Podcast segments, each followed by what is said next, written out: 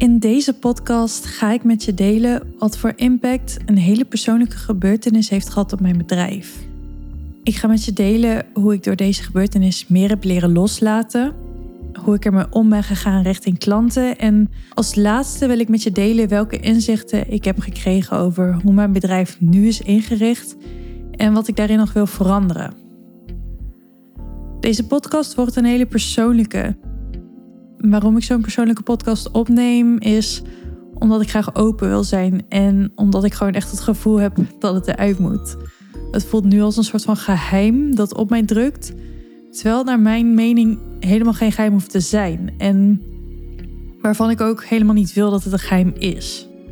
De afgelopen tijd heb ik ook heel erg gemerkt dat het oplucht om het met mensen te delen, om erover te praten en uh, ja, delen helpt mij ook om ermee om te gaan in het een plekje te geven. Oké, daar gaan we. Hey, wat onwijs leuk dat je luistert. Mijn naam is Elisha Lysina. Ik help jou als passievolle, dienstverlenende ondernemer om een succesvol online bedrijf te bouwen. Met meer voldoening, meer omzet en meer rust en vrijheid. Zodat je met je bedrijf je droomleven mogelijk maakt.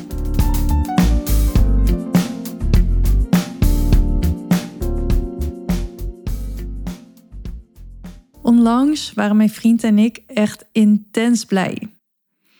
Wij uh, willen heel graag een gezinnetje. En daar praten we eigenlijk al best wel lang over. En een tijdje geleden hebben we besloten van... Oké, let's go. We gaan ervoor, we gaan het proberen. En uh, ja, toen was de dag daar dat het ons gewoon gegund was. Op een dinsdagochtend, een paar weken geleden had ik zo'n voorgevoel. En ik dacht, oké, ik ga een zwangerschapstest doen. En uh, die test was positief. Het stond er gewoon echt zwanger. Ik had zo'n digitale test, weet je wel, waarop het dan echt uh, staat, zwanger. En uh, met tranen in mijn ogen liep ik naar de slaapkamer en liet ik mijn vriend de positieve zwangerschapstest zien. Ik heb gewoon een baby in mijn buik, zei ik tegen hem. We krijgen gewoon een baby. We konden het allebei bijna niet geloven en we waren echt zo intens blij. Mijn vriend uh, wilde het ook het liefst gelijk aan iedereen vertellen, wilde gelijk iedereen opbellen. Zo trots. Maar um, helaas was dat geluk van niet zo lange duur als dat we hadden gehoopt. Op avond was ik aan het sporten en tijdens het sporten dacht ik al van oké, volgens mij is er iets mis. Ik voelde gewoon opeens dat er iets niet goed was, maar ik train mijn personal trainer en ik dacht, ja, ik ga ook nou niet zeggen, yo, ik stop ermee, want ik voel me niet goed. Ik dacht, dat is nog maar 20 minuten of zo, dus ik sport gewoon door. En uh, het voelde op dat moment ook niet echt goed om het hem te vertellen, want ja, hoe moest ik überhaupt omschrijven wat ik voelde? Ik wist het gewoon niet zo goed. Dus uh, ja, ik ben maar gewoon door gaan sporten. En in de auto naar huis wist ik nog steeds niet wat er nou precies aan de hand was. Maar op dat moment werd ik eigenlijk een beetje sentimenteel. Ik uh, begon een beetje te zingen en met mijn hand op mijn buik geruststellende dingen te zeggen. En uh, ik weet het niet, ik had gewoon een voorgevoel. Eenmaal thuis zag ik inderdaad dat het niet goed was. En op dat moment was ik best wel rustig, maar toch ook weer in paniek tegelijk. Ik weet niet of het kan, maar zo voelde het gewoon echt. En ik dacht, ja, wat moet ik nou doen? Ik was alleen thuis, kon mijn vriend niet bereiken. Dus uh, ik belde mijn moeder en daarna direct maar de verloskundige. En de verloskundige vroeg mij om te beschrijven wat ik zag en wat ik voelde. En ze zei tegen mij: Het hoeft nog niks te betekenen. Het kan nog alle kanten op. Het kan gewoon wat onschuldig zijn. Dus uh, hou hoop, wacht rustig af. Op dat moment kon ze namelijk niks van mij doen. Dus ja, dat was het enige wat we konden doen: afwachten.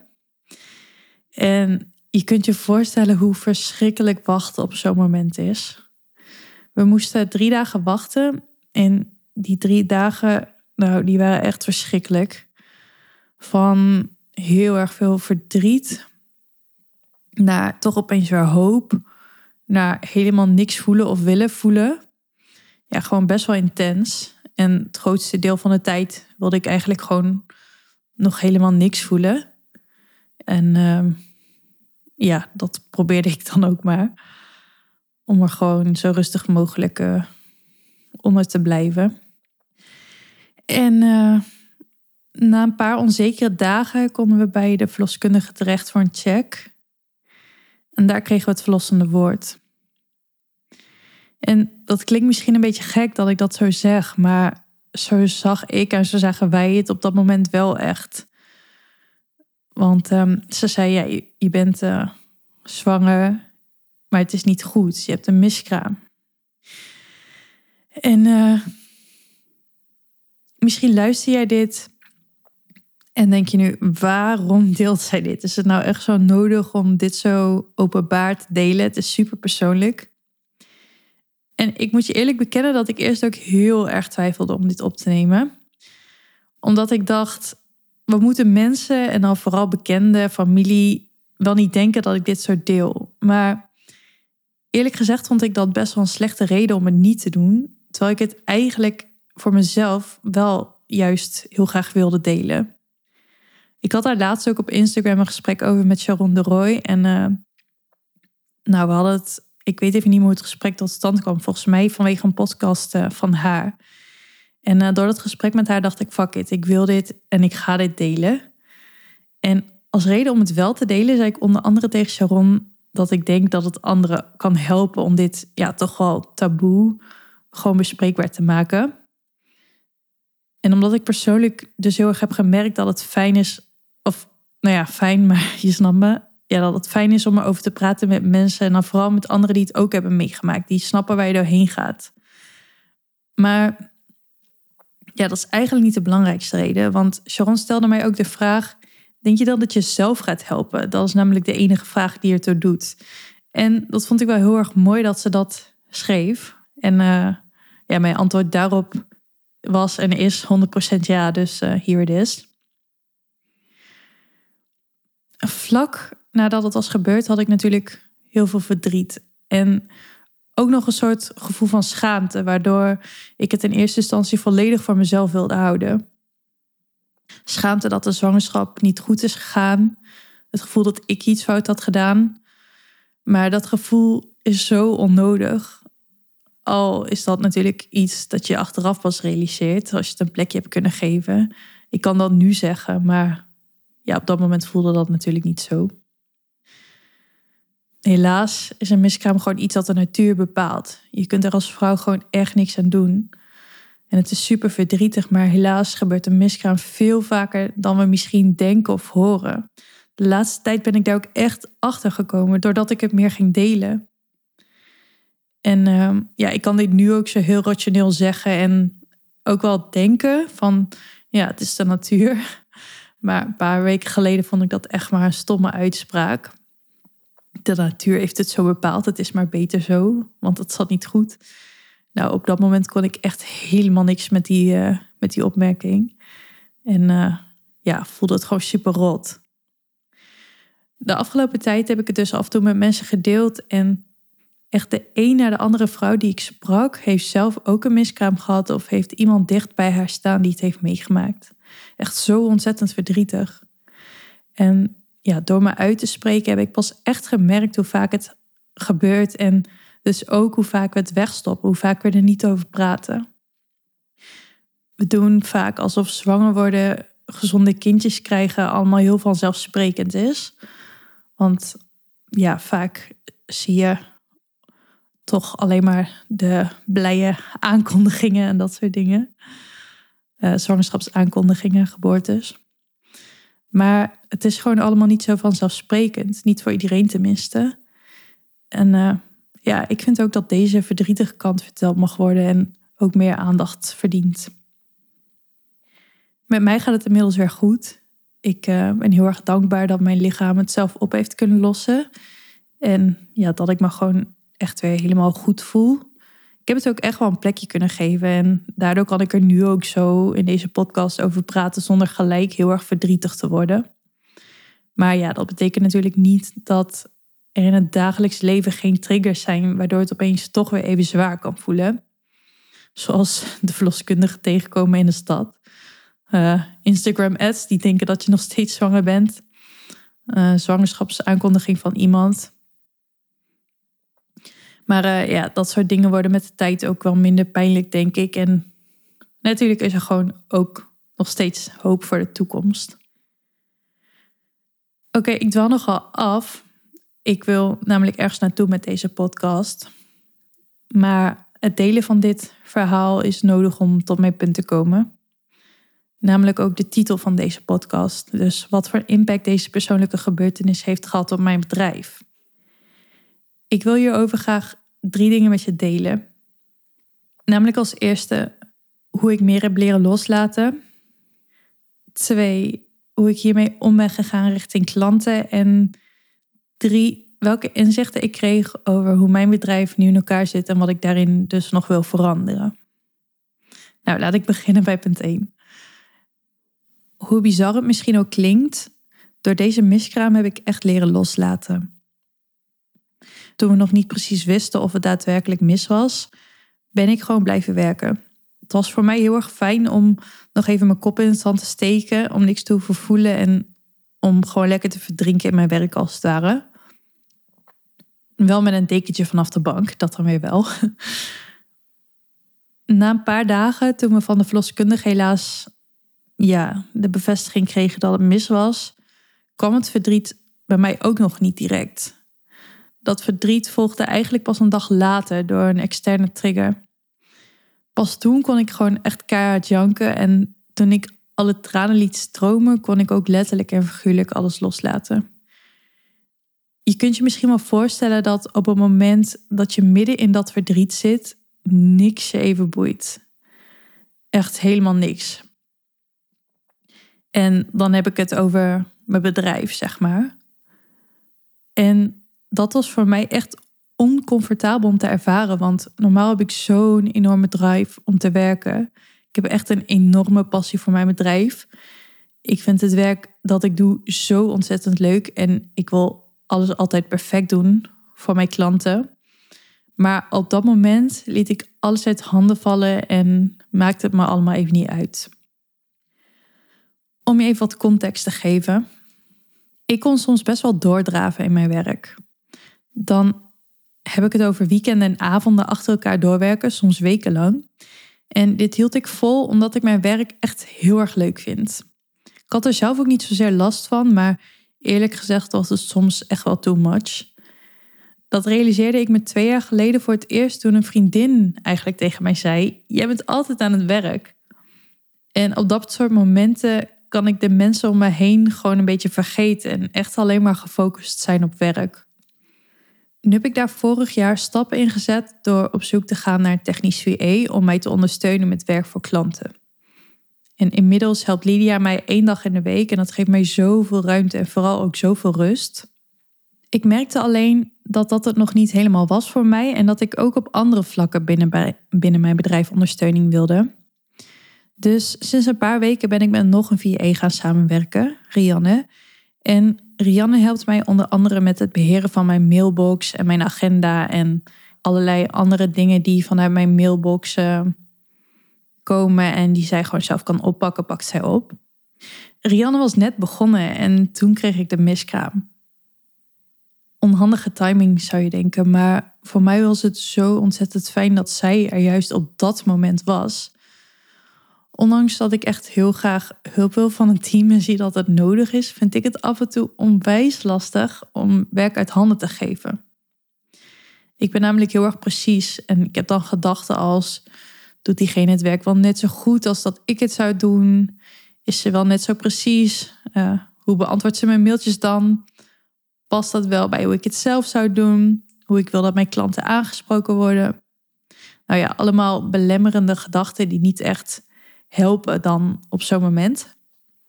Maar door het verdriet werd ik genoodzaakt om alles te laten vallen. Ik kon gewoon even niet anders. Op dat moment was het zo ontzettend fijn dat Rianne en Lydia er waren dat ik erop moest en ook echt kon vertrouwen, alles is goed, het wordt geregeld. Ik mag dit even laten voor wat het is, gewoon verdrietig zijn. En mijn bedrijf even laten voor wat het is, uit handen geven. En daar ben ik zo ontzettend dankbaar voor dat dat kon op dat moment. Als ondernemer heeft je persoonlijke leven en alles wat daarin gebeurt nou eenmaal invloed op je bedrijf. Al helemaal als je alles alleen doet, maar natuurlijk ook als je een klein team hebt. Maar wat doe je dan op zo'n moment als het leven gewoon even belangrijker is dan al het andere? Zet je je bedrijf dan volledig op pauze of zijn er dingen die door kunnen lopen?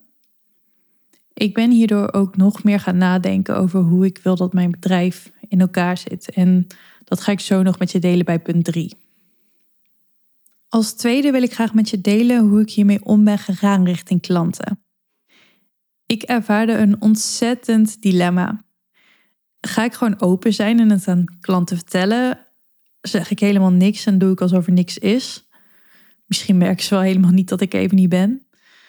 Of ga ik wel delen dat er iets persoonlijks aan de hand is, zodat ze weten waarom sommige dingen uitlopen of even anders gaan dan gepland. Mijn allereerste gevoel was: ik zeg helemaal niks. Het voelde voor mij namelijk gek om te zeggen dat er iets persoonlijks speelde zonder meer uitleg te geven. Want ik was bang dat het als slappe smoes over zou komen of whatever. Maar eerlijk gezegd kwam ik er gewoon niet onderuit om open te zijn. Dus een paar klanten waarbij op dat moment projecten liepen en ja, die tegen deadlines aanliepen, besloot ik om een berichtje te sturen met iets in de trant van: hey, er speelt iets persoonlijks op dit moment, waardoor het allemaal even niet lukt. Ik verwacht over twee weken het weer verder op te kunnen pakken. En ik kreeg echt hele lieve, begripvolle reacties. Dus dat luchtte super erg op op dat moment. En dat gaf mij ook echt de ruimte om gewoon die rust te pakken. En even met mij verdriet te zijn. De werkdruk viel toen echt volledig weg. Andere klanten, waarbij ik inschatte dat mijn tijdelijke afwezigheid het project niet zou beïnvloeden, besloot ik op dat moment nog even niks te vertellen. Ik dacht, ach, dat loopt gewoon. Rianne en Lydia zijn er immers, dus uh, daar hoeven ze niks van te merken. Ik wilde het namelijk ook niet vertellen om het vertellen, zeg maar. Maar alleen als ik voelde van oké, het is nu nodig om open te zijn. Op dit project heeft het invloed, dus ja, ik ga iets zeggen. In eerste instantie wilde ik het dus volledig voor mezelf houden. Het liever helemaal niet vertellen of het anders een beetje vaag houden dat er iets persoonlijks speelde. Wat later, toen ik het zelf al meer plekje had gegeven en ook meer had geaccepteerd, voelde het voor mij juist wel goed om het meer te delen. Op dat moment was het voor mij ook echt part of het helingsproces, zeg maar, uh, om er juist open over te zijn. Voor mij voelde het echt als de erkenning dat ik zwanger was of ja, was geweest en dat het niet niks is. Dat dat verdriet er gewoon mag zijn. Dat het heel veel gebeurt. En op dat moment besloot ik om het ook aan wat meer vriendinnen te vertellen. Want uh, zelfs niet aan al mijn vriendinnen had ik het op dat moment verteld. En uh, ik besloot toen ook om het toch aan enkele klanten te vertellen. Bijvoorbeeld omdat het gesprek dan zo liep of omdat ik op dat moment opeens heel erg voelde dat ik het wilde delen. Kijk, open en eerlijk zijn, een echte connectie en verbinding aangaan met anderen zijn hele belangrijke kernwaarden voor mij. Het is iets dat ik belangrijk vind in het leven en dus vanzelfsprekend ook in mijn bedrijf. Nu is dat soms knap lastig, want in hoeverre ga je dan privé dingen in zakelijke kring bespreken? Er moet ergens nog wel een grens zijn, naar mijn mening. Maar het moment dat ik besloot het te delen, werd voor mij weer bevestigd dat open en eerlijk zijn zo fijn voelt, zo oplucht. Dat het zorgt voor begrip, meer verbinding met de ander en dat vind ik echt super waardevol. Ja, het is ontzettend kwetsbaar. Maar we blijven mensen ook in een zakelijke relatie. En ik vind dat dat naast elkaar kan bestaan. Tot op zekere hoogte natuurlijk. Wat ik daar persoonlijk namelijk wel heel erg belangrijk in vind, is om zo'n persoonlijk verhaal pas te delen als ik het eerst zelf heb verwerkt en het een plekje heb gegeven dat ik hier op deze manier mee ben omgegaan, hoeft natuurlijk niet te betekenen dat dit ook voor jou zou werken als jij iets heftigs meemaakt in je persoonlijke leven.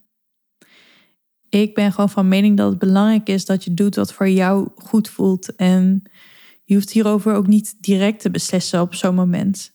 Je kunt het eerst heel even laten rusten en dan later beslissen hoe je het wil aanpakken. Wat voor mij ook heel erg hielp was om hier met anderen over te praten en te kunnen vragen van hoe zou jij dit aanpakken? Dus bijvoorbeeld met een business buddy of met een coach of met een VA. Als er in jouw persoonlijke leven iets speelt dat invloed heeft op je bedrijf, ga dan gewoon rustig bij jezelf na hoe jij hiermee om wilt gaan en wat je wel en niet wilt delen. Alles is goed. Als laatste wil ik met je delen welke inzichten ik kreeg over hoe mijn bedrijf nu in elkaar zit en wat ik daar nog in wil veranderen. Waar ik achter kwam is dat mijn bedrijf gelukkig niet meer volledig afhankelijk is van mij. Grotendeels nog wel op dit moment hoor, maar toen ik even niet kon zijn, konden Rianne en Lydia een aantal dingen zo oppakken. En dat vond ik echt zo ontzettend fijn om te merken, want ja, het kan nou eenmaal zo zijn dat life happens en dat je de boel even de boel wilt laten. En het is fijn als je op zo'n moment een vangnet hebt in de vorm van een team of op wat voor manier dan ook. Nu moet ik zeggen dat ik persoonlijk niet de ambitie heb om met een supergroot team te werken en een agency te zijn of zoiets. Dat is, dat is uh, hoe ik er nu over denk tenminste. Maar ik vind het wel ontzettend fijn om niet alles alleen te hoeven doen. Een team geeft mij de rust om meer vrijheid te hebben. En dat is een van de grootste redenen waarom ik mijn bedrijf ben gestart. En daarnaast is het ook ontzettend fijn om af en toe met iemand te kunnen overleggen of om hulp te vragen. Naast het werken met een team wil ik er ook nog meer naartoe dat processen op de achtergrond automatisch en ook wat meer gestroomlijnd lopen. Een groot deel van mijn marketing en sales loopt op dit moment al automatisch. Zo adverteer ik doorlopend met een gratis e-book. En achter dat gratis e-book zit een sales funnel van waaruit ik automatisch mijn online programma verkoop. Hoe ik dat precies heb ingericht en hoe dat precies werkt, daar ga ik nu niet te diep op in. Want daarover vertel ik uitgebreid in een andere podcast. Als dat je interessant lijkt, kijk dan zeker even in de beschrijving van deze podcast, want daar staat waar je die andere podcast kunt vinden. Een deel loopt dus al automatisch, maar ik zie zelf gewoon dat ik hier nog veel meer uit kan halen. En dat ik nog veel meer uit dat automatische marketingproces kan halen dan ik op dit moment doe. Ik help daar klanten ook bij en ik zie bij mezelf ook allerlei kansen die ik op dit moment niet grijp en die ik dus wel heel graag wil aanpakken nu. Op dit moment sta ik op zo'n punt in mijn bedrijf waarbij ik weer naar het volgende level aan het gaan ben. En daardoor sta ik binnen dit nieuwe level weer even aan het begin, als het ware, en loop ik weer tegen van alles aan.